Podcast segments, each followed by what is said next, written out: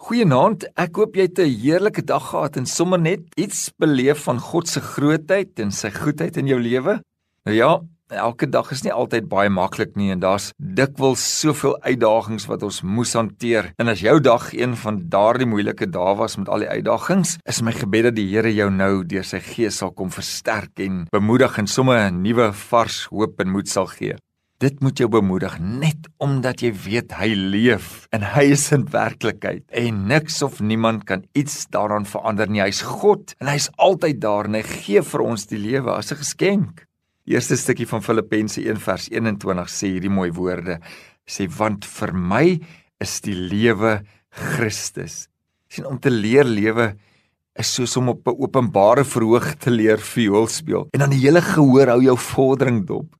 Maar te veel mense leef die lewe sonder enige poging of stap deur die lewe met swaar belaaide verwagtinge en 'n klomp groot doelwitte en dit bring nie eintlik geluk nie, want die enigste ware vrede en geluk vind ons in Christus.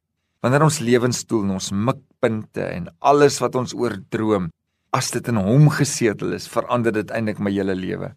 Iemand het gesê die lewe is soos 'n klein kombersie. Trek jy dit op tot onder jou kenop, verklein jou tone en maak jy jou voete toe, bewe jou skouers en jou ore weer. Gelukkig is hulle wat geleer het om hulle knieë op te trek en rustig te slaap. Dis nogal ietsie wat ons vanaand bed toe kan vat, né?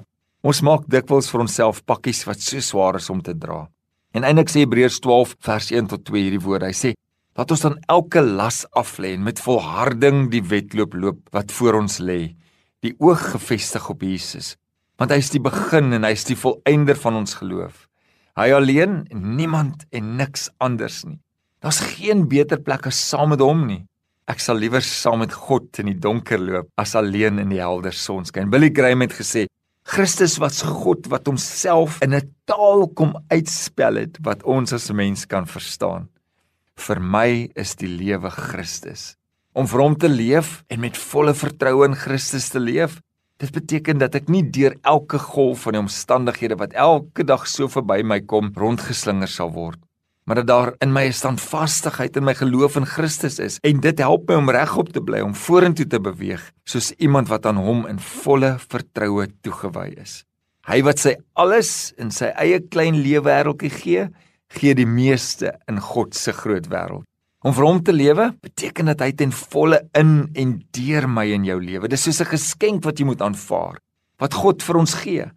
Hy het homself gegee, uitgestort in sy liefde en sy guns en sy goedheid in jou lewe. Dan en dan eers verstaan ek wat Paulus geskryf het.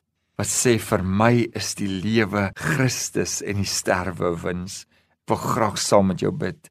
Here, leef in my en leef deur my sodat ek alles wat ek doen tot eer van U sal doen in Jesus Christus. Amen.